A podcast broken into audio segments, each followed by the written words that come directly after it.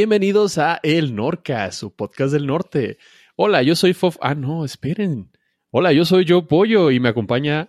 Ave, el. ¿Cómo diría? El relajado Estrada, el liberado Estrada, el Frozen Estrada.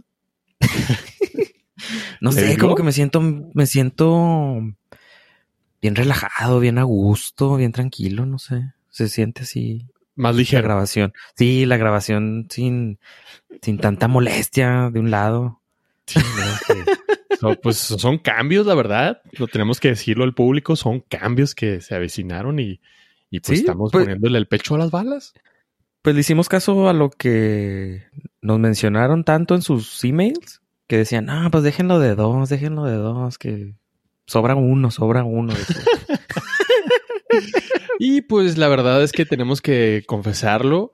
Eh, Ave se infiltró en, en la vivienda de nuestro compañero Fofo Rivera y puso un agente, ¿cómo se llama? Pa- pat- ¿Un patógeno? Agente patológico. ¿Patológico?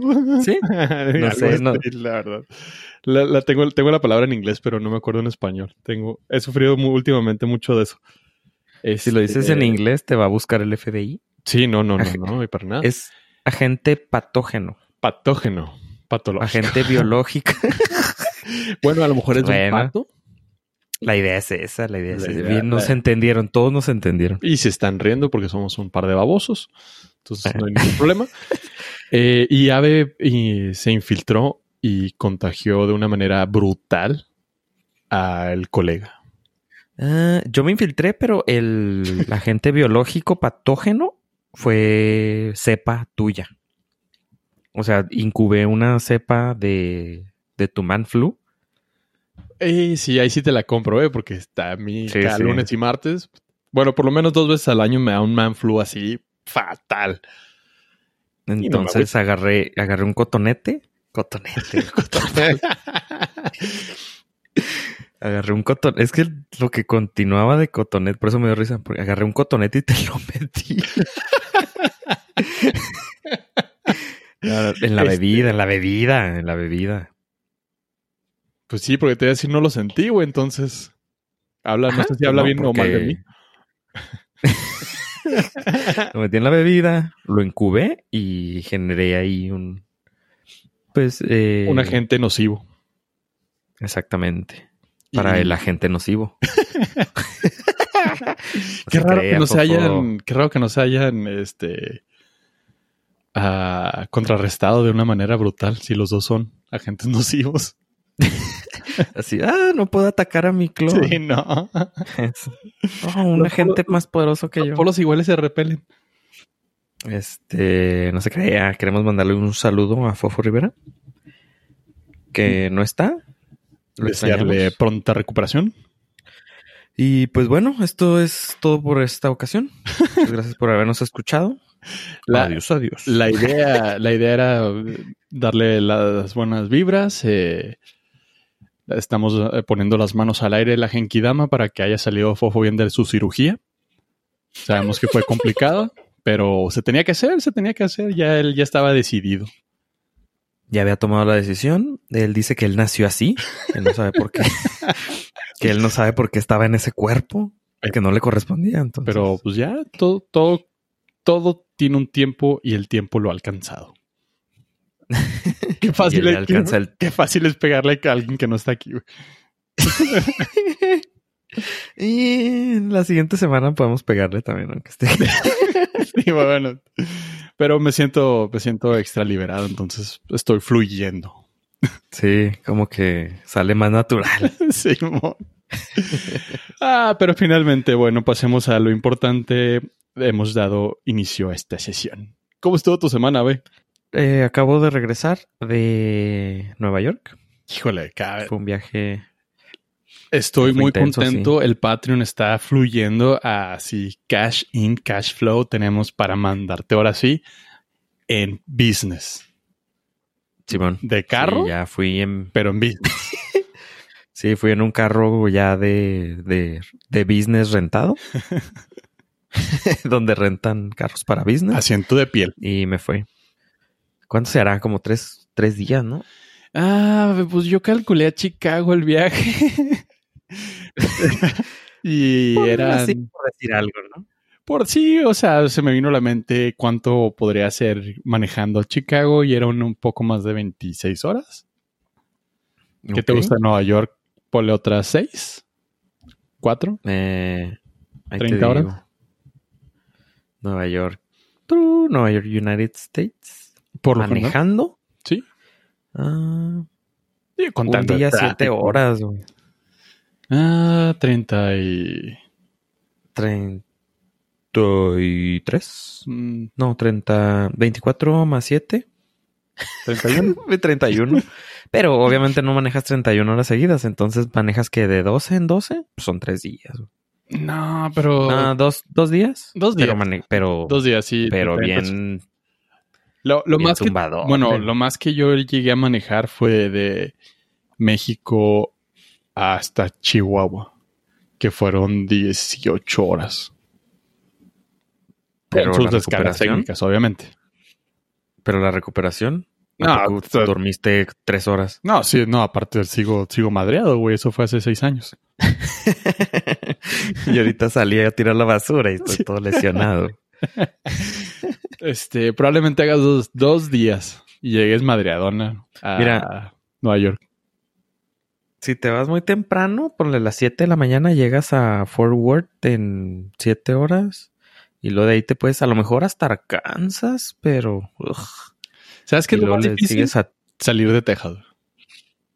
Es eterno, salir de. Texas. Es casi, Eterno. es un tercio, es un Sí. tercio del viaje. Del viaje. Porque justo vas a la- de orilla a orilla. De la, de la orilla más larga. Más, eh, sí, de, las, el de los extrem, del extremo más largo de, de Texas.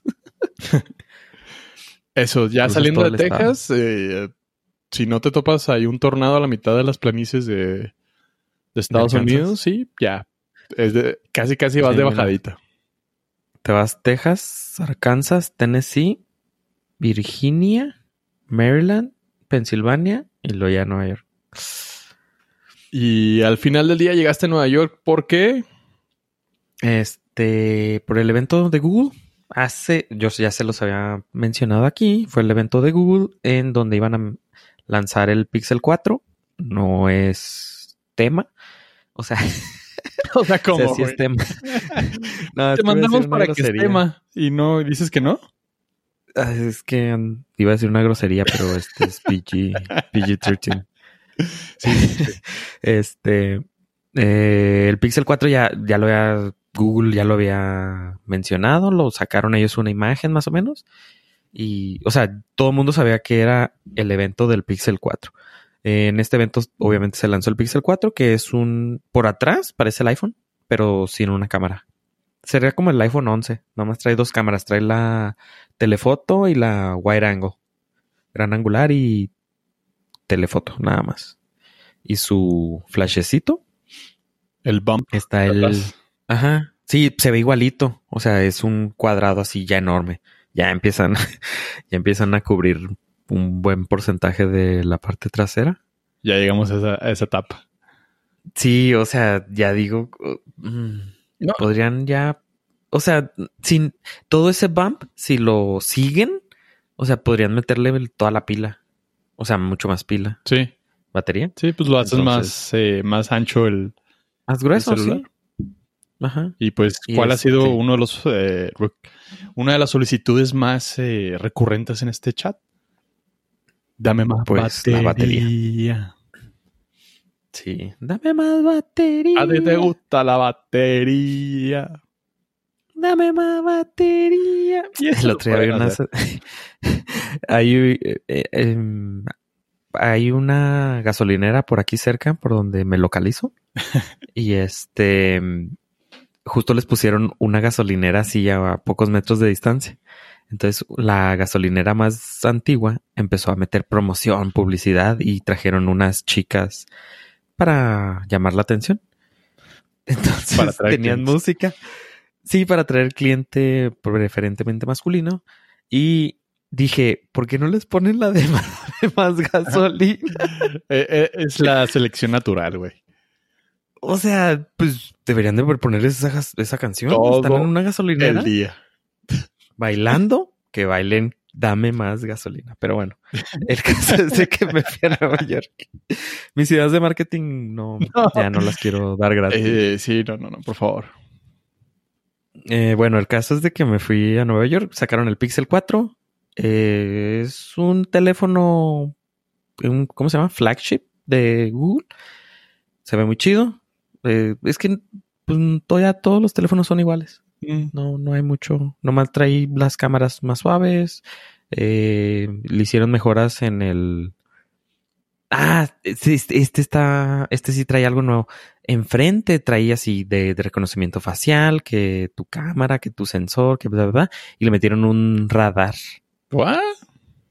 Y sí, le metieron un radar que trabajaron durante varios años para hacerlo tan pequeño que puede estar así enseguida de la cámara de, de la selfie.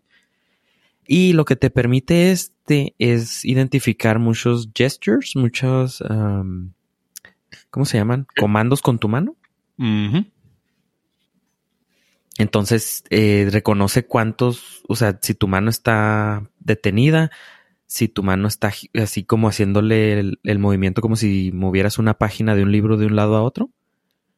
Y con eso puedes cambiar de canción, por ejemplo.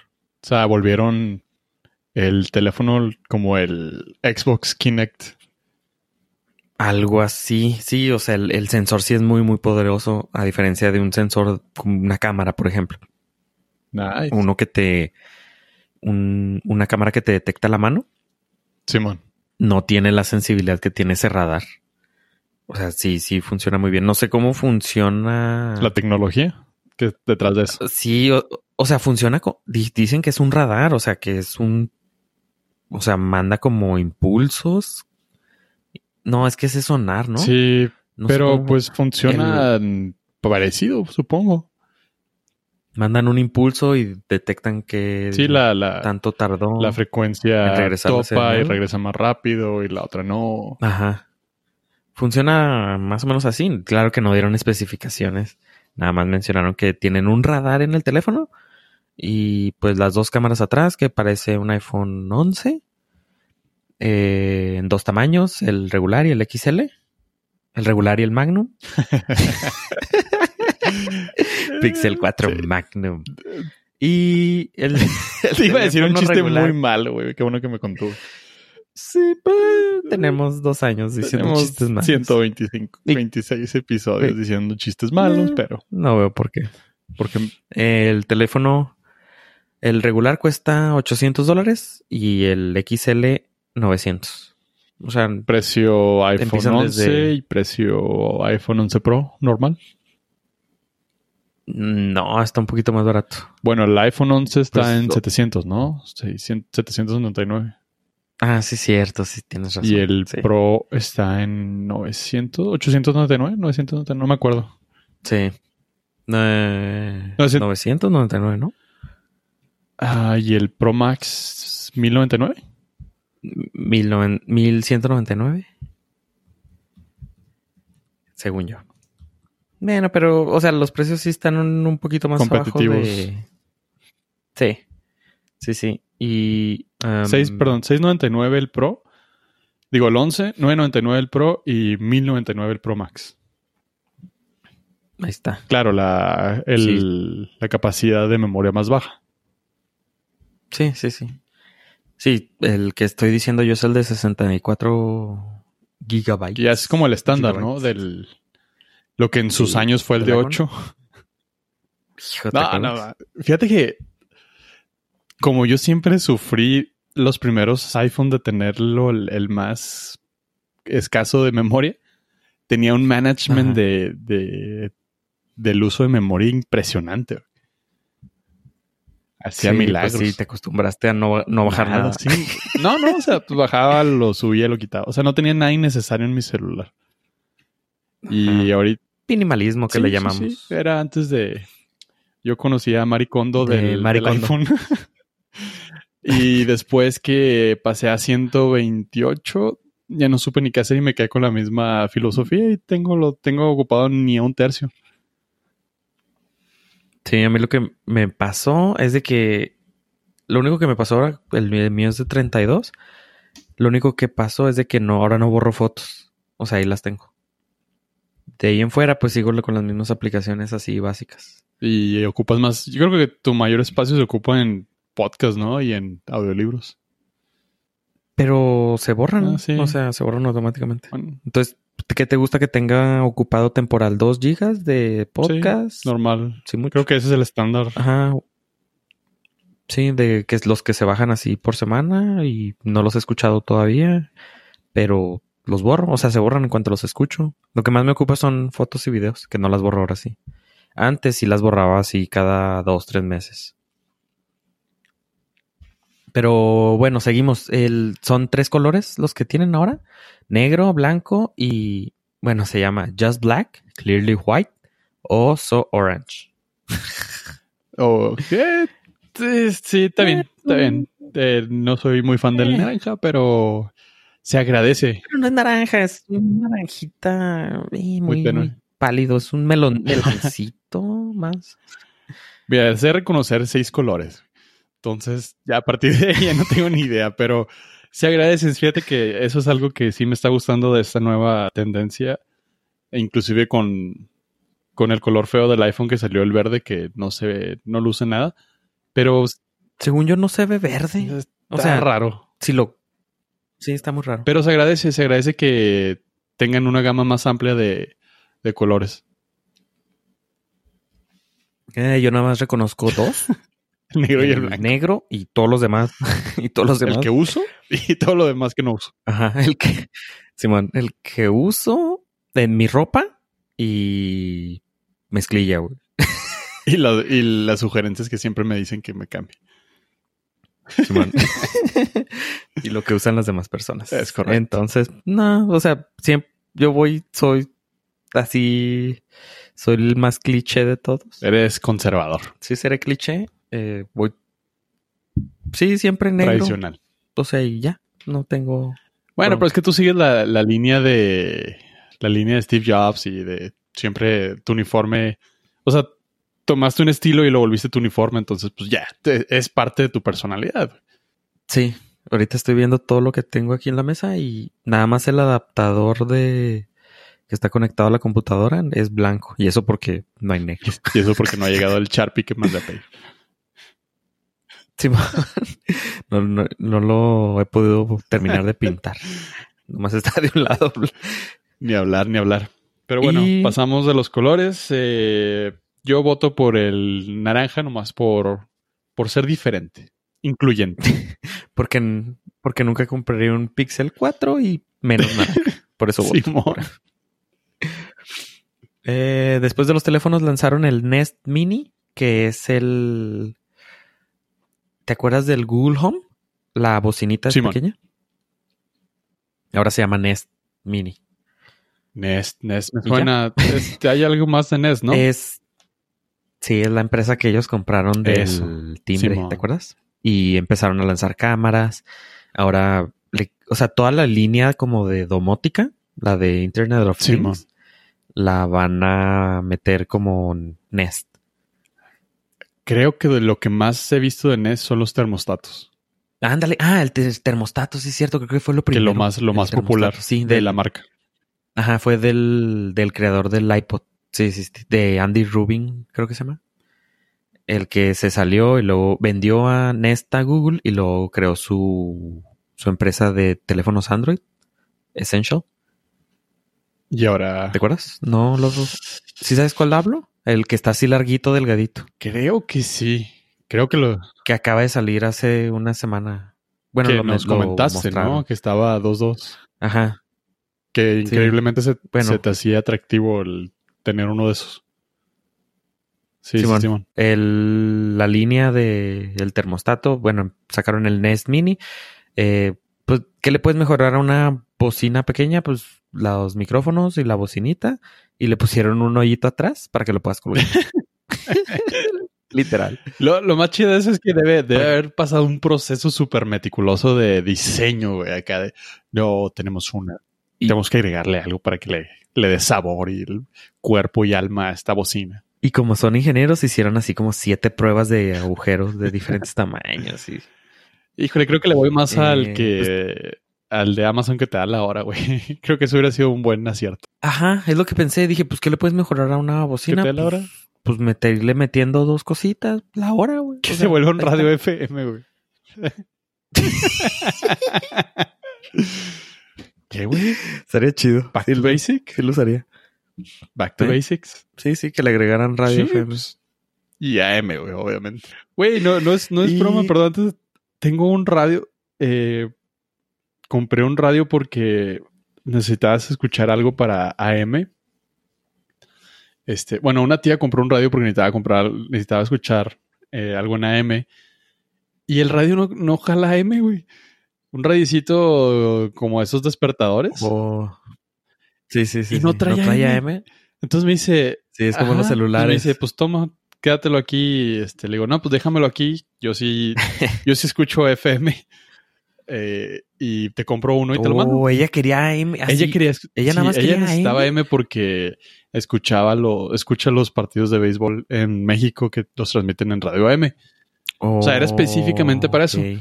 Ok. Le digo, ¿por qué no lo escuchas en internet? Dice, no, es que no, es, eh, donde estoy la señal es mala, etc, etc, etc.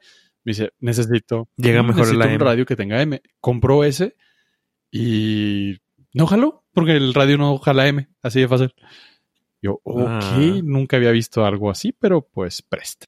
Me quedé con el radio y le compramos uno que sí jalara M y se lo mandé. Sí, es como los celulares de.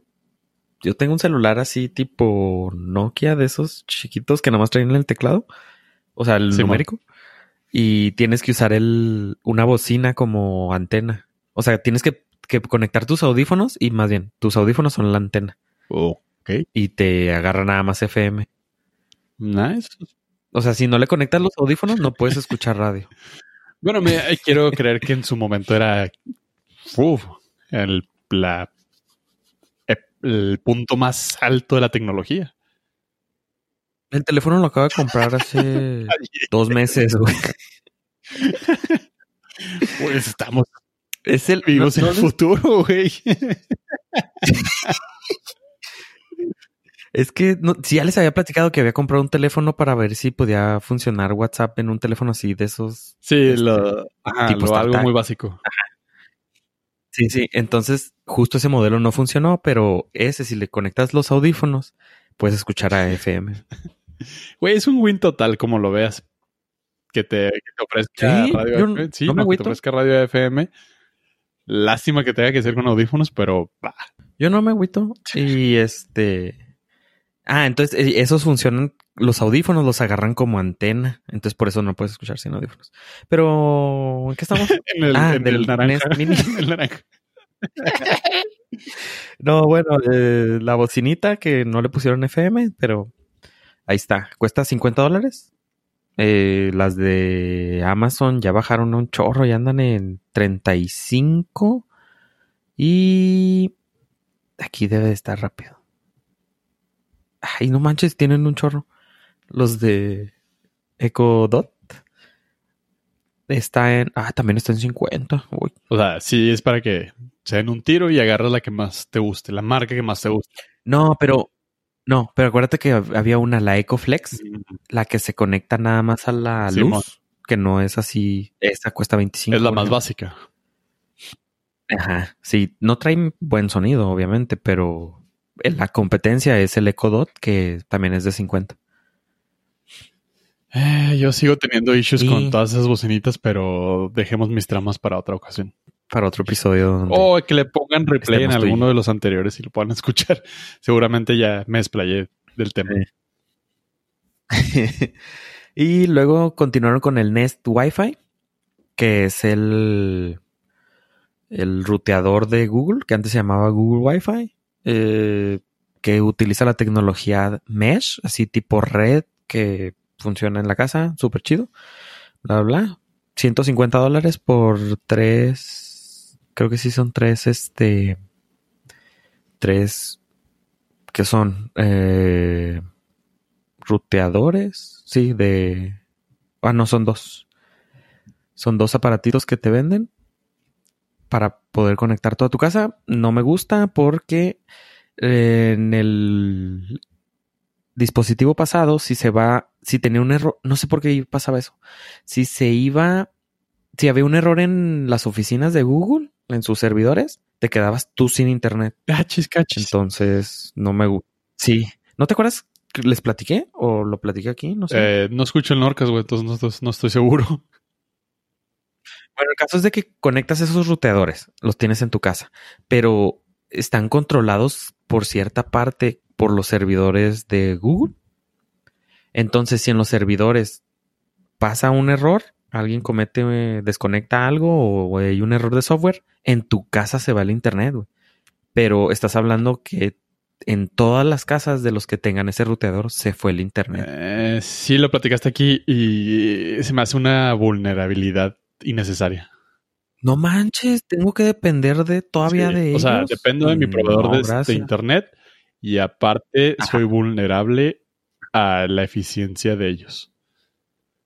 Sí, que ponle, fueron, han sido como tres veces las que ha pasado, pero se ha ido, o sea, se ha ido el internet por ellos, no porque mis proveedor falle. No porque no haya pagado, como regularmente. Que suficiente tengo con mi proveedor, ¿verdad? Fíjate, no sé cuál sea tu impresión, pero creo que en México no estamos tan mal porque los, los comentarios que escucho en Estados Unidos, todo el mundo se queja bien cañón de su servicio de internet. Eh, nosotros estamos, hay un nombre para ese, mm, estamos acondicionados. Síndrome de Estocolmo, quizá. Algo así, sí. O sea, ya pues decimos, nos resignamos, estamos resignados. Eh, puede ser, pero sí, por lo regular, sí, eh, cuando lees el, los redes sociales que no son redes sociales, o sea, Reddit, eh, pues todo el mundo le tira hate bien cañón a, a sus proveedores de internet y cuando ves a streamers en Twitch le tiran así bien cañón a sus proveedores de internet. Y acá no, o sea, Supongo porque ellos están porque O sea, ellos saben que si se quejan, no, ellos saben que si se quejan, pues va a haber una respuesta del proveedor de internet para mejorar. Eh, sí, sí, hay algo de eso. De hecho, una historia de un twitchero muy famoso es que una compañía quería salirse de Comcast, pero decía que no Ajá. era la única compañía que daba servicio en su casa, lo subió a sus redes y al poco tiempo le otra empresa le comentó que iban a meter fibra óptica por su casa, Uh, eh, casual. casual. Y ahora es un streamer muy feliz. Sí, pues ellos saben que a lo mejor sí sus, sus quejas sí son escuchadas. Tienen la plataforma.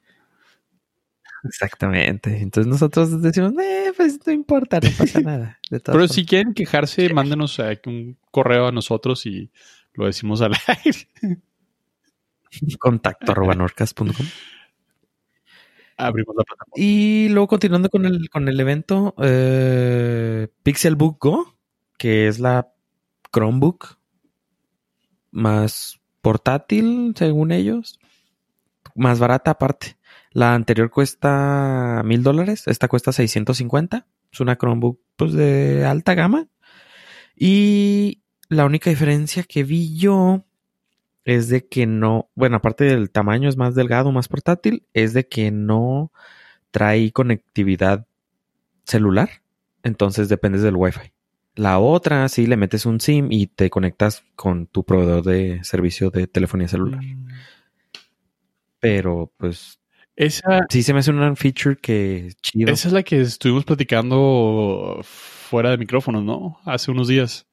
Ajá, sí, la que, li- la que habían liqueado antes del evento. Esa Ah. Pues yo, Que nada más trae Chrome, Chromos, Chrome, ¿Chromos se llama? ya ni me acuerdo. pues no se, no se me hace mal que no tenga el feature de del servicio de internet por que es tarjeta SIM. Ajá. Eh, porque al final del día creo que el mercado para lo que va, pues es para estar en un lugar fija donde tengas internet. Sí, pues sí. Pero pues es de 13 pulgadas, trae, hay diferentes capacidades, diferentes procesadores, empieza en 649 y termina así la el Core i7, 16 GB de RAM, 256 en disco duro y pantalla de 4K en 1400 dólares. Que ya es un varo. Pero Pero tienes que considerar que nada más puedes correr el Chrome OS, el sistema operativo de, de Google. No, y si se me hace 1400 varos, y bueno, Bolis ya se me hace bastante, bastante considerable. Creo que con eso compras una MacBook Pro, la más Mm. para, o la MacBook Air de, de mínimo. Sí, ya. Entonces, pues sí, MacBook Air, mira, ¿en cuánto anda? Deja ver el precio rápidamente. ¿Qué dice DJ rápidamente? Tú, tú, tú, tú. Mil, mil noventa y nueve, No, sin bronca. Te vas para allá, güey. mil noventa y nueve. Sí. Aunque trae menos, o sea, trae la mitad de Features. memoria de RAM y de... Sí, pero pues ya es una... La de... Pero ya Sí, es una una- laptop, güey. Sí, te Mm. corre todo. Lento, pero... Poquito lento, poquito lento, no mucho. Bueno, pero- te compras una Asus Super Dubi Dubi. Acá ya Sí. con Windows 12. Pero bueno, no... No somos el mercado. Sí, es lo que A platicamos. mí sí me llama mucho la atención, pero pues no, pues no voy a gastar para ver si me funciona. Sí, es este, métete a estudiar una carrera y que la universidad te la pague. no, pues no. Eh, y hasta aquí mi resumen, Joaquín. Eso fue el evento. Fue el evento fue el más aburrido del mundo. Híjole, tengo, tengo queja de eso, muy, muy severo. Tú lo viste. Para nuestros Nord listeners, nuestro compañero nos mandó la liga para que eh, lo acompañáramos eh, nosotros desde nuestras bellas casas en nuestra bella ciudad y él desde Nueva York. Para la gente Ajá. humilde. Que no, no pues o sea, está cayendo el cash flow en el Patreon, pero no para tanto. Sí, nomás para uno. O sea, en primer lugar lo hicieron en un edificio que era entre una IKEA y un Home Depot. Esa fue mi conclusión. O sea, una IKEA tiene una relación amorosa con un Home Depot y el resultado fue el lugar del evento. Ese lugar. Segundo, las personas, los exponentes, Dios mío, qué horror de presentación. No solamente la falta de energía, sino su presencia se veía gris, güey, muy gris. No soy la persona más, eh, más eh, extrovertida y, pero ah, comparas un keynote de, de Apple y dices, o sea, este es un evento de mercadotecnia y esto es una presentación de... De prepa. Sí, como que aquí me están vendiendo una enciclopedia y acá me están vendiendo la experiencia de la tecnología mundial. Ah, cabe recalcar que eh, hubo invitados especiales, de la cual quiero que en este momento nos pongamos de pie, Pollo y yo. Ya estoy de pie. Estuvo la fotógrafa famosísima, Annie Leibovitz. Eh, estuvo, dice, la entrevistaron diciendo que estuvo probando la cámara del Pixel 4 y como que no es su fuerte hablar en público para ella. Entonces, Pues para pues, nadie de Google, güey. Para nadie de los que estaba ahí de Google. Nadie, ¿verdad? nadie se sentía cómodo ni en su ambiente, ni... Híjole, es que no sé, güey. Sí se veía... O sea, todos estaban gris. Pero, ah, Al- bueno, a lo no- mejor le- nos podemos A lo quejar mejor le lo que pidieron a ella que mantuviera esa línea, güey. para que no apantallaran los demás. No, no acapararan. No queremos que brilles, porque nos haces quedar mal. Exactamente. El producto es el que tiene que brillar y pues la verdad es que el producto brilló en un tono naranja. Y eso fue todo, nada más. No, les podemos dejar aquí el link justo en este momento. La verdad no, no le puedo dedicar tanto tiempo como me gustaría porque pues le andamos macheteando duro a los libros. Oiga, Ah, sí. gacho. iba, a decir cuando me dijiste y tenemos también a Abel atascado. Y sí, eh, sí te, te, te fuiste como gordito en tobogán engrasadito, ¿eh? Es que tengo, es que, a ver, estoy platicando, estoy utilizando la plataforma de. Altamente recomendado. Entonces, sí, es aquí.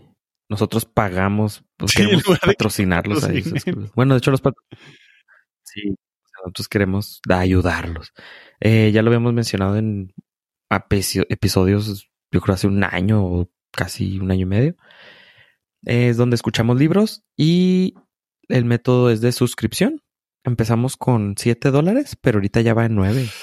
Que si te pones a analizar, si, si lees un libro, o sea, si compras, es más, ni siquiera hay libros que cuestan 15 dólares y te sale más barato la, la suscripción. Exactamente. Un libro te sale 15 dólares. Entonces yo me desuscribo porque no todos los meses tengo chance de ponerme a escuchar libros. Hay veces que tengo mucho trabajo y la neta no tengo chance, entonces con los puros podcasts tengo. Pero hay veces que hay libros que tengo que escucharlos porque no los leo. Eh, y esta semana, este mes fue, me di de alta otra vez en Scribidoo para escuchar dos libros. ¿De cuál quieres hablar primero? Tú ya sabes cuál es. Ah, creo que vamos por el que tienes más fresco que terminaste y que yo estoy por terminar. sí, bueno, uno tiene un día y el otro tiene horas, güey. Oye, los dos están frescos, créeme. Uno lo terminé ayer y el otro me faltan Hijo, como 10 minutos hoy.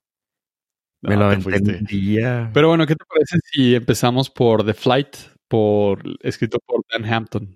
Exactamente. eh, vi un eh, post en Instagram de un gran influencer, al menos en Por mi cierto, el- un agradecimiento a mi bro que me mandó ese libro. Lo vio directamente desde el Museo del Smithsonian y se tomó el tiempo, el esfuerzo y me lo mandó físicamente. Entonces vi la foto que pusiste en Instagram y dije, va, se ve, se ve interesante. Lo le, le piqué y estaba en Scribble. Entonces fue el que escuché hace. el que ayer. leí hace mucho tiempo. terminé. Sí, ayer. Mira, ¿Y eh, platicar empezando por el trata? escritor Dan Hampton, me llamó mucho la atención porque la forma en la que escribe las cuestiones técnicas del libro son muy precisas. Él es piloto retirado, eh, Lieutenant Colonel del US Air Force. O sea, me puse a investigar un poquito de él y básicamente es la mera vena del mundo. Fue a la escuela de Top Gun, o sea, todo lo que te imaginas que pueda tener un piloto condecorado, él lo tiene. Eh, fue seis veces instructor del año, es un libro de aviación escrito por un piloto, ex piloto. ex piloto, sí, un piloto retirado. Otra de las cosas que se me hizo muy interesante es que realmente se dio la tarea de hacer un proceso de investigación muy profundo. Se metió a los diarios de Charles Lindbergh, que es el vuelo del, del que vamos a hablar ahorita, y nos acerca lo más, nos da un, un vistazo a lo más cercano que, que es lo que le pasó por la mente a Charles Lindbergh durante el famoso vuelo, el primer cruz- cruce del Atlántico. Sí, el vuelo era de. fue de Nueva York a París. 33 horas y media y 29 segundos duró el vuelo. Y había un premio. Entonces el incentivo, pues aparte de ser el, el primero en el mundo en hacer ese vuelo, pues también había un incentivo monetario. Que eran 45 mil dólares. Que me dio mucha risa porque al principio lanzan el premio y le pusieron muchas restricciones. Y al final fueron como que ablandando más las, las, las mm, requisitos para ese vuelo porque pues era imposible. O sea, como en 1927 pues no había tanta tecnología, entonces dijeron, bueno, vamos a hacerlo este más flexible y le fueron soltando menos. Ah, de hecho, empezaron, el concurso se terminaba en 1925, me parece, y como pues nadie lo logró, lo extendieron otros cinco años, cuando ¡pum! llegó el espíritu de San Luis y con él eh, Charles Lindbergh logró la hazaña sin precedentes hasta ese momento. Ya había varias personas que lo habían intentado y no lo habían logrado. La manera Sí, que relata me- la, la, la, la forma, la, la soledad de estar en la cabina 30 horas, 33 horas, el, el, una de las partes más graciosas y tristes y frustrantes y divertidas y increíbles es que aparte por la preparación del vuelo, Charles Lindbergh no había dormido la noche anterior, entonces se aventó como dos días y medio en vivo. Según yo, las cálculos eran tres. Tres, tres amaneceres, ¿no? Dijo. O sea, llevaba, porque pues el nervio no lo dejaba dormir un día antes. Y luego ese día, pues, llevaba 33 horas más que te gustó otras veintitantas horas despierto. Sí, llevaba casi tres días este sin dormir. Entonces, pues sí, o sea, es entendible, la- pero la- hijo, no, La concentración mental para mantenerte despierto y alerta durante tanto tiempo sentado sin poderte mover, sin café, sin Firehour Energy, sin Monsters.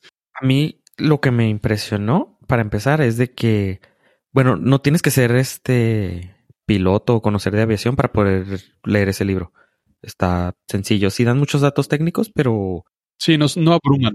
No, no, no, no. O sea, de hecho, benefician, dan, o sea, te aumentan el conocimiento, obviamente.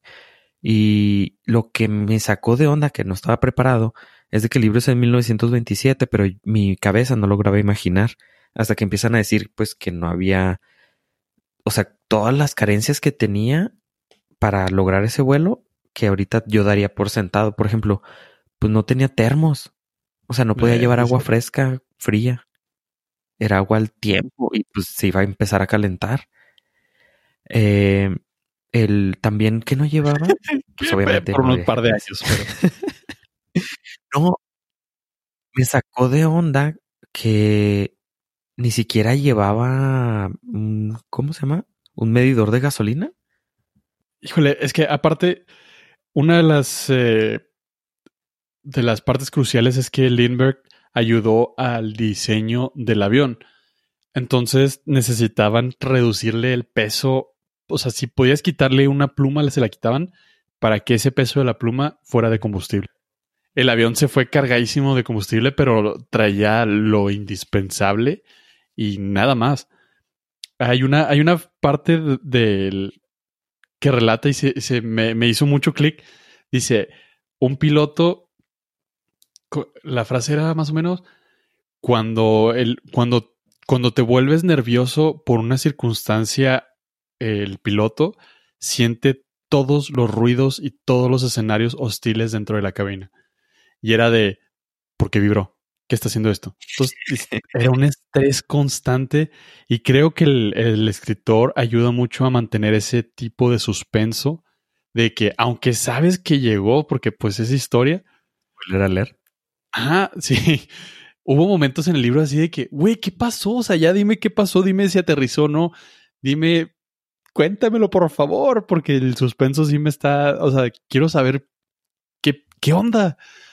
Y, y no, o sea, está bien raro porque es, como digo, es historia. Sabemos que sí llegó sabemos que aterrizó en, en La Borge en París y que fue, o sea, ah, fue el, eh, fun fact, fue el 1927 fue considerado el primer hombre del año por la revista Time. Sí. Entonces, pues todo le salió bien, o sea, al final del día todo le salió bien, pero la forma en que lo narra durante el vuelo de todo lo que le fallaba, todo lo que no le fallaba, los cálculos mentales, las tormentas, el día, o sea, fu, me quedé así como que, güey, qué estrés. Eso iba de que me, me sacaba de onda que platica que tenía que hacer los cálculos de gasolina a mano. Entonces él contaba, no, pues llevo tantas millas recorridas a tal velocidad. Y luego hacía el cálculo y dice, pero más menos. Y luego si me pusieron más gasolina, pero estoy seguro que los muchachos, este, no lo iban a llenar hasta el tope. Me queda tanto de gasolina. O sea, a mano y con la izquierda. Porque con la derecha llevaba el timón del avión que no podía soltar. Una, una excelente recomendación. A mí me gustó, pero pues yo soy, tengo un bias muy grande, soy piloto, eh, está totalmente dentro de mi, de mi área. Me llamó mucha atención que a Ave le haya gustado.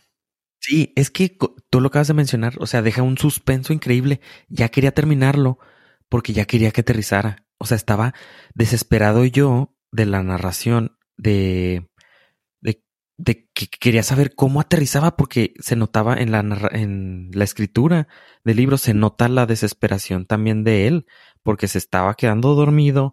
em, Este, y él ya estaba muy emocionado cuando empezó a ver tierra empieza ya llega a reconocer todo, entonces la emoción te la transmite, te transmite muchos sentimientos y uno de ellos es desesperación y querer saber cómo aterrizó, aunque ya sabías que te iba a aterrizar bien, pero cómo fue, eso es lo que te causa una ansiedad de seguir leyendo y si te engancha bien cañón. Sí, definitivamente. ¿Cuántos norcastitos le das al libro? Ah, esa es la primera evaluación del libro. Eh, ¿Qué será? Un 9, 9 de 10. Porque a lo mejor hay otros libros mejores, pero este me enganchó un chorro. Coincido totalmente. Pero pues no tomen mi palabras, estoy bias, tomen la palabra de Ave. 9 de 10. Eh, yo estoy vallas por pollo porque se emocionó al ver el libro y me emociona a mí. Y él es mi influencer de vida, de libros. De vida. La mitad, la mitad de libros que he leído le platicaba a Pollo que son recomendaciones de él. Así que, pues, lo que le gusta a él, me gusta a mí. Excepto en cuestión de libros nada más. Sí, sí, porque para eso tenemos eh, ahí diferencias eh, totalmente muy marcadas. Y nuevamente, gracias a Scribd por, darnos- por permitirnos patrocinarlos, Exactamente. Promocionarlos. promocionarlos. Desgraciados, deberían de soltar ahí. Y otro libro que empecé a leer justo cuando terminé el libro de The Flight fue el de Bob Iger. No me acuerdo cómo se llama. ¿Cómo es? 10, eh, los 15 años de mi vida o... Ah, The Ride of a Lifetime. Ah, The- Eso. Las lecciones aprendidas por 15 años como CEO de Walt Disney Company. Exactamente, ese, ese libro. Empecé a leerlo, lo termino ya ahorita en 10 minutos. De Me hecho, vamos a pause. Platicar. Te fuiste, o sea, este- es un libro de ocho horas. De- bueno, es un audiolibro de ocho horas. Te Ajá. fuiste, pero tot, como el espíritu de San Luis en picada, cabrón. Eh, Ay, junté ay. referencias de dos libros. Este lo escuché 1.5, entonces fueron 6 horas más o menos. Eh, sí, está bien. Y no, hombre, no, no, Bob, Bob, me aplauso de pie, me paro de pie. Bob, te amamos. Eres nuestro nuevo no, gurú. Elon Musk, has quedado en segundo lugar, lo sentimos. Pero el tío Bob, No, no, qué señor, eh, la neta sí. Digo, él, él narra su historia. O sea, aparte. claro, O sea, está muy adornada, pero es lo que esperas de, de una autobiografía. bueno, para empezar, vamos a describir quién es. Bob Iger es el CEO, el que es el jefe máximo. Es la, la, la- el, cuando ponen una pirámide debajo de Mickey Mouse está él. Sí. Es como el quinto CEO de, sexto CEO de Disney en la historia. Y eh, pues la biografía trata de todos, o sea, es un currículum, es el currículum de su vida y platica historias sobre cómo le fue en el trabajo, algunas decisiones que tomó en algunos trabajos, cómo esas decisiones se fueron desenvolviendo y cómo llegó a al puesto donde está y por qué se tomaron decisiones en ese entonces sobre Disney. Es también una buena eh, biografía sobre Disney. Una sería una planilla de Disney si Sí, es tuviera que que, es comprar. imposible separarlos. Sí, y luego me da mucha risa que dice que pues se ha, ha trabajado para dos compañías en toda su vida, para Ah, nunca lo había considerado de esa manera. Para ABC. ABC y Disney, porque empezó trabajando en ABC, subió rankings y luego Disney compra ABC y pues él siguió en Disney y ya, nomás ha trabajado en dos empresas. Cabe destacar que, ah, a diferencia de muchos CEOs, eh, Bob Iger literal empezó de nada. De nada, nada, nada. Se empezó como asistente de producción. tenía un nombre específico del puesto, pero era básicamente el IBM. De. Se- este, eh, una de sus, de sus anécdotas más famosas y la cuenta mucho en los talk shows que está haciendo porque obviamente le pertenecen un chorro de estaciones y va cada una de ellas a promocionar su libro, es que en un concierto de Frank Sinatra, el, su jefe le dice, oye, te, Frank necesita algo. Entonces, pues ya va madre. ¿Qué pasó, señor? Se agua mineral, ¿no? No era mm, en- Necesita Listerine y le dice, güey, Frank Sinatra necesita Listerine. Y dice, y no eran, no eran estos años que podías pedir un Uber Eats o podías salías a la esquina y había mil tiendas. Dice, corrí como 20 minutos hasta una tienda, una farmacia, lo compré y regresé. Dice, y Frank Sinatra me agradeció personalmente, me dice, here you go, kid, le da 100 dólares, un billete de 100 dólares, que en esos años, pff, y un encendedor de oro. Sí. Con la leyenda Que aún Frank. conserva. Aún conserva y lo, lo lleva a las entrevistas, güey, le lo vi y dije, no mames, sí, sí existe. Sí, lo, no lo he visto. lo lleva a las entrevistas, es un encendedor como un Zippo Ajá. de oro y dice Frank al lado.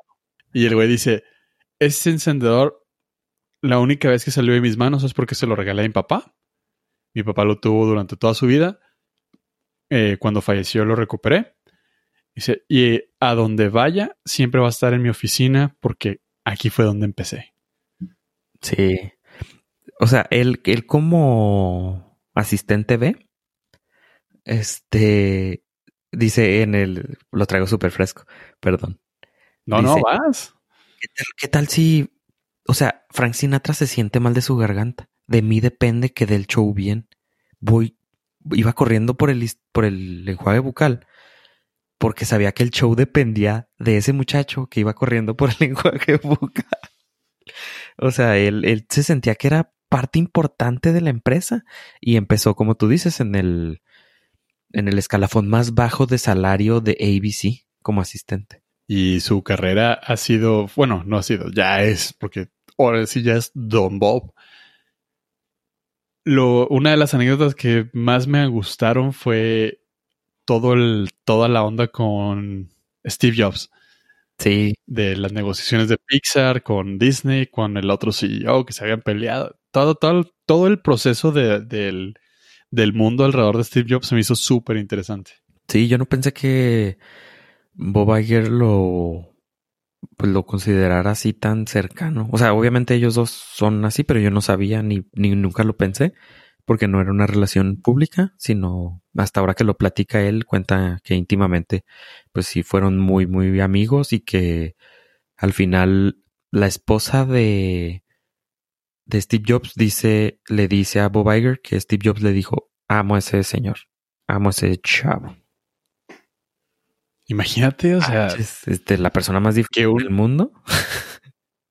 La persona, exactamente, o sea, un genio, un maldito genio, pero difícil como él solo, te dé ese reconocimiento, bueno, te dé ese lugar, ese reconocimiento, porque lo quería como persona, o sea, Steve Jobs era Steve Jobs, no, no había necesidad de quedar bien con Bob Iger. Bob Iger era el nuevo CEO que quizá duraría cinco años. Sí, que el promedio máximo de CEOs que sacaron él y su esposa fue de cinco años. Entonces la esposa le dijo, pues mira, más o menos, eso vas a durar, si mal te va. Y no le ha ido mal. Así que le, le- me acuerdo mucho, le recomendó, dice, arriesgate, toma decisiones que no tomarías si supieras que vas a durar más tiempo. Sí, porque dice, pues, dice cómo le daba miedo llamarle Steve Jobs para proponerle o sugerirle a comprar Pixar. Y spoiler alert, la compran. Este, pero dice, o sea, pues si le llamo y me dice que no, pues de todas maneras es- estoy aquí. O sea, no, no va a pasar nada. No me, no voy a empeorar la situación de Disney. Pero si llamo y me dice que sí, pues puedo igual y ahí negociar algo. Pero se nota que, o sea, que le diera nervio, es así habla como de la persona que es, ¿sabes? Lo, lo vuelve muy humano, lo, lo, lo aterriza como, como cualquier persona, como si fuéramos tú y yo o cualquiera, que dice, güey, pues es que, pues, ¿qué pasa si algo sale mal? Pues sí, pero ¿qué pasa si todo sale bien? Sí, o sea, sí, pues sí, yo lo compararía como tú y yo. Este, un poquito más, este, humildes nosotros. o sea, nos acabo de poner en el nivel de Bob Iger. Sí, no. Ese libro ya lo habías mencionado aquí, lo recomendaste, te emocionaste tanto que dije, no, lo tengo que escuchar. Aparte, la historia está genial y yo, los, los libros que yo procuro leer, escuchar son de históricos o biográficos. La novela no es mi fuerte, non-fiction no, no te la ando manejando y pues esta es la, estos dos libros justo son la categoría que, que más me gusta. Based on a true story. Exactamente. Y datos históricos y lo que es aprender del cómo llegaba, cómo llevaba las negociaciones, hasta está muy interesante. Maneja la, todo lo difícil que fue adquirir uh, Pixar, que fue negociar con uh, Steve Jobs, al grado de que, pues sí, te adquirimos a Pixar, pero lo adquieres con todo lo que está, pero no lo toques. Uh, lo difícil que fue adquirir Marvel por todo el desmadre que, que hasta la fecha sigue siendo que hay propiedades acá, propiedades allá, es un, un caos. Lo complicado que fue adquirir LucasArts, eh, Lucasfilm, perdón, porque George Lucas es difícil, es una persona muy difícil. Dice, es que le estás comprando el reino de una sola persona. Dice, a diferencia de Marvel, pues todo el mundo tenía ideas por acá, o sea, había habido varios jefes, había... Dice, esta es el concepto de Star Wars, el nacimiento de Star Wars y lo que es Star Wars en general es enteramente George Lucas. A él lo tienes que convencer, a él lo tienes que mimar, a él lo tienes que decirle, no lo estás dejando en buenas manos, pero ¿qué crees? También no lo estás vendiendo, así que lo que tú pienses de Star Wars ya no va a ser. Nos vale tres hectáreas de chubacas, de piel de chubac. Y aprendí, yo no sabía que Lady Palpatine, como le decimos de cariño aquí en el podcast, a Kathleen Kennedy, ella fue el último input de George Lucas al nombrar la directora de Lucasfilm. Sí, fue un movimiento. Cuando Bob Iger la, adquiere, le respeta esa voluntad a George Lucas de decirle, ah, órale pues, te acabo de dar 4.4 billones de dólares, pero te acepto tu condición de que Kathleen Kennedy lleve el mando de este proyecto. Bueno, porque también ella tiene buen currículum. O sea, no puso ahí a una novata. Ella también, sus credenciales también la respaldaban. Sí, sí, es, es una muy buena productora. Y ha, llevado bien el, en general. También me gusta que Bob Iger nunca, bueno, describe que nunca les dio falsas esperanzas. O sea, George Lucas le dijo, te voy a comprar, pero no te voy a aceptar, te o sea, no, no te voy a dejar que tú hagas lo que tú quieras. Y una de las... Eh, fue conocido, pero de la manera que lo narra Bob Iger está sumamente interesante. Cuando sale el episodio 7, George Lucas en una conferencia, en una entrevista más bien, dice algo así como que, ah, esto fue una porquería. Sí. Dice, güey, o sea, me hablaron, me habló todo el mundo para decirme que George Lucas había dicho, esto es una porquería, arréglalo. Dice, ¿qué haces, güey? O sea, pues ya no es de él, pero él sigue siendo el, el, el, gurú espiritual de Star Wars. Dice, lo que decidí fue, let it go. Exactamente, de ahí se basaron en la película Frozen. de hecho, el mono de nieves George Lucas. Es Bob Iger. es Bob Iger. sí, o sea, la, la, la frialdad, la mesura, la, el factor humano de, de Bob Iger de, de decirle, güey, o sea, es que no, realmente no lo siente de esa manera, simplemente es el capricho del niño berrinchudo de, ah, pues era mi juguete. Y yo ya no tuve nada que ver, o sea, mi historia que les recomendé no la usaron. Y después eh, George Lucas le habló a Bob Iger para decirle, sabes que, perdón, la regué, nunca más va a volver a suceder. Así como que, pues te recomendaría porque también hay un contrato de eso. Sí, o sea, George Lucas también, o sea, si le va mal a Disney, le va mal a George Lucas. También es stockholder. Entonces, creo que la mesura y la, la forma de no reaccionar de Bob Iger, de no contestarle, fue lo que hizo que todo, que este George Lucas recapacitara y viera y se diera cuenta que pues no iba a tener acuse de recibo, no iba a poder provocar a Bob Iger o, a cualquiera de Disney para recibir una pues una eh, defensa o defenderse y recibir otra agresión. Entonces, pues él solito, así como que, ay, perdón, la regué. Sí, no, no encontró conflicto. Ajá que yo creo que era lo que buscaba. Ya se necesitan dos y nomás estaba el señor ahí. Entonces, dándole a las nubes. El señor y sus, cuatro billones de dólares así haciéndose airecito. Pero no manches, yo nunca esperé que nunca pensé que Pixar fuera a valer más. O sea, obviamente vale, valía más, pero cuando platica, no, no, no. O sea, eh, Star Wars no vale un Pixar. O sea, porque Pixar ya tenía, iba para arriba y pues ellos vieron, no, pues Star Wars, quién sabe, si le va bien, pues sí le podemos sacar juguito, pero no va a ser una compra tan grande como la que hicimos en Pixar. Eh, es que todo el, todo el efecto de Pixar, eh, spoiler alert para las personas que no estén muy familiarizadas con el tema, Pixar salvó Disney. Disney Animation Studios durante los finales de los 90 entraron en crisis. Eh, la mayor parte del income de Disney entraba gracias a Disney Animation Studios. Las, cuando la sociedad se partió entre Pixar y Disney, entra Bob Iger a decir, a ver, vamos a ponernos serios. Uh, junto a los uh, shareholders de, de, Disney, les dice, el año pasado con Disney Animation Studios perdimos tantos miles de millones de dólares. Pixar hizo tantos miles de millones de dólares si queremos salvar Disney, necesitamos comprar Pixar. Así de fácil. Sí, es, está súper interesante todo, todo ese tipo de anécdotas que él cuenta y de los insights que tiene sobre Disney y sobre cómo él hablaba. Pues eh, fue uno de los de los objetivos que él se puso cuando se andaba candidateando para ser el CEO de Disney. O sea, dijo, bueno, que necesito tres cosas para que Disney salga y una de ellas es contenido.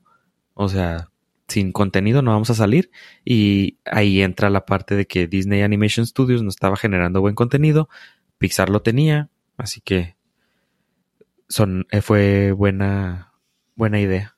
Y finalmente cierra con la compra de 20th Century Fox, todo lo que representó.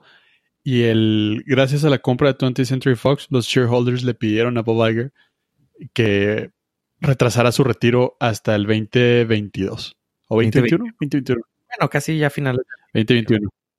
Sí, pues dicen, ah, con esta compra no me van a dejar irme. O sea, ¿qué pasa si algo sale mal? Pues yo voy a ser responsable.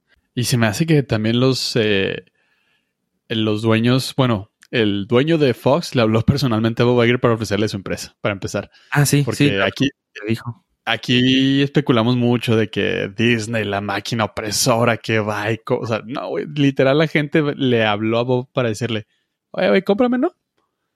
Sí, Rupert Murdoch le habló, le, le insinuó y Bob Iger captó la señal y entonces mandó a sus empleados a decir, quiero un análisis de una posible compra, qué podemos comprar, qué no podemos comprar por ejemplo, no pueden comprar este Fox Sports porque iban a ser eh, empresa preponderante, iban a tener demasiado control sobre Disney porque Disney ya tenía ESPN. No podemos comprar eh, las noticias porque pues no me gusta, no me gustaría meterme en ese negocio de noticias que tiene Fox News.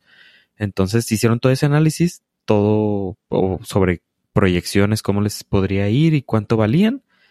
Y fue cuando le habla al de Fox, a Rupert, Rupert Murdoch, y le dice, mm, ¿estarías dispuesto a una compra? Y lo, sí. Ah, bueno. Entonces ya empezaron ahí a negociar. Presta. Sí, sí, o sea, se le insinuó este Rupert Murdoch. O sea, no, no tenía pensado comprarla, pero se la ofrecieron y le convino. Entonces este, se encajaba en sus planes a futuro, que fue lo de el streaming. Ya tenía listo lo, o sea, ya tenía la idea de, de empezar lo de streaming, entonces agregarle más propiedad intelectual, pues obviamente encajaba en sus planes a futuro. Era fortalecer Disney definitivamente. Y al final del libro es una de las cosas que más me gustó. Bob Iger lo, lo maneja, obviamente este libro es una autobiografía, es una historia de éxito, de todo lo que pasó, pero al final del libro hace una síntesis de los pasos en concreto que le funcionaron. Entonces sirve así un poquito como un manual de, de éxito, por decirlo de cierta manera muy, muy a la ligera. Pero se me hizo muy interesante, o sea, si lograste comprender todo durante la historia, qué chido. Si no, ahí te va la síntesis. Ah, me lo hubieras dicho. creo que es lo que te falta. Sí. No me lo spoilé. bueno, el punto número tres es. Ah, sí le entendía todo. O sea, eh, aparte el, el, las historias que cuenta, o sea, es lo que vale mucho la pena. Y claro, está eh, toda la historia de éxito está adornada, pues es de él. Pero de todas maneras, todos los detallitos que cuenta de lo que vivió, lo que sucedió, cómo se dieron las cosas, está muy, muy interesante. Muy entretenido. Sin duda, está adornada, pero tenemos también como, o sea, como espectador, hemos sido testigos de los resultados. Entonces, nada más nos dan un poquito de inside story de qué fue lo que sucedió para llegar ahí. Y creo que yo lo recomiendo ampliamente, lo recomendé hace unos episodios, lo mamaseado, se me hace uno de los mejores libros que he leído este año. Sí. Pero vas tú. No, pues yo también. Creo que sí, sí, eh, no hay 10, no tengo 10, pero este sería mi 9, entonces The Flight quedaría en 8. Ah, ok. así. así, tiro cantado. O sea, antes tenía hasta The Flight arriba, pero uy, no, tenía que. Bueno, no sé si es Bob Iger, no puedo decir nada. Y aparte cuenta, lo cuenta bien sabroso. Digo, el otro también está súper chido, pero este me gustó más. Me gustó más, así. O sea, los dos me Sí, sí. Más, simplemente. Eh, Yo mamaseo los dos. Eh, estoy contigo. Creo que siento. Me siento más parte de esta historia porque de alguna manera lo hemos vivido a lo largo de. Sí, sí, pues de, este empieza desde 1995 más o menos. Eh, sí, cuando entra ABC, cuando se pone chido, finales, principios de los 90, creo que empieza. 92, 95, más o menos. Sí, sí, sí. Bueno, empieza, empieza antes, cuando empieza de chavito en ABC, sí está súper chavo, porque está Frank Sinatra y todo, creo que era principios ah, de los ochentas. Pero todas las historias más eh, son acá. Ah, lo, lo, lo, lo, fuerte, la carnita, lo que viene siendo el tuetanito de este taco, es, es cuando se vuelve CEO de Disney y eso estamos hablando de mediados de los 90, finales de los 90, de hecho. Sí, entonces todo eso es así la, la, la carnita y pues uno se acuerda, uno, nosotros vivimos esas épocas, entonces por eso te, yo sentí que me identifiqué un poquillo más y pues ves los resultados, has ido a los parques de Disney, con, has visto las películas, sabes en cuáles trabajó él y cuáles no, cuáles fueron éxito y cuáles no, entonces eh, te sientes parte de la historia, pero The Flight también está, está genial. Concuerdo, concuerdo. Yo me sumo a tu propuesta, le doy nueve a la historia de Bob Iger y le doy 8.99 de Flight porque puedo. Se aceptan recomendaciones también a nuestros Nord listeners si quieren que hagamos el review de un libro, nomás que estén escribiendo, no hay bronca. Exactamente, nos lo echamos en un día si es de ocho horas. Hijo, eres un atascado, güey. Sí, yo te, tú te lo echaste en dos, ¿no? Yo me lo eché técnicamente en tres.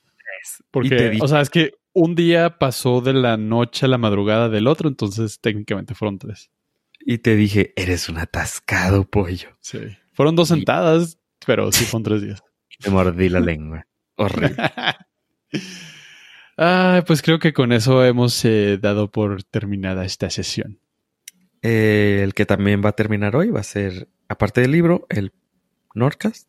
Si quieren mandaron sus recomendaciones, envíenlas a contacto arroba Norcast y pues muchas gracias.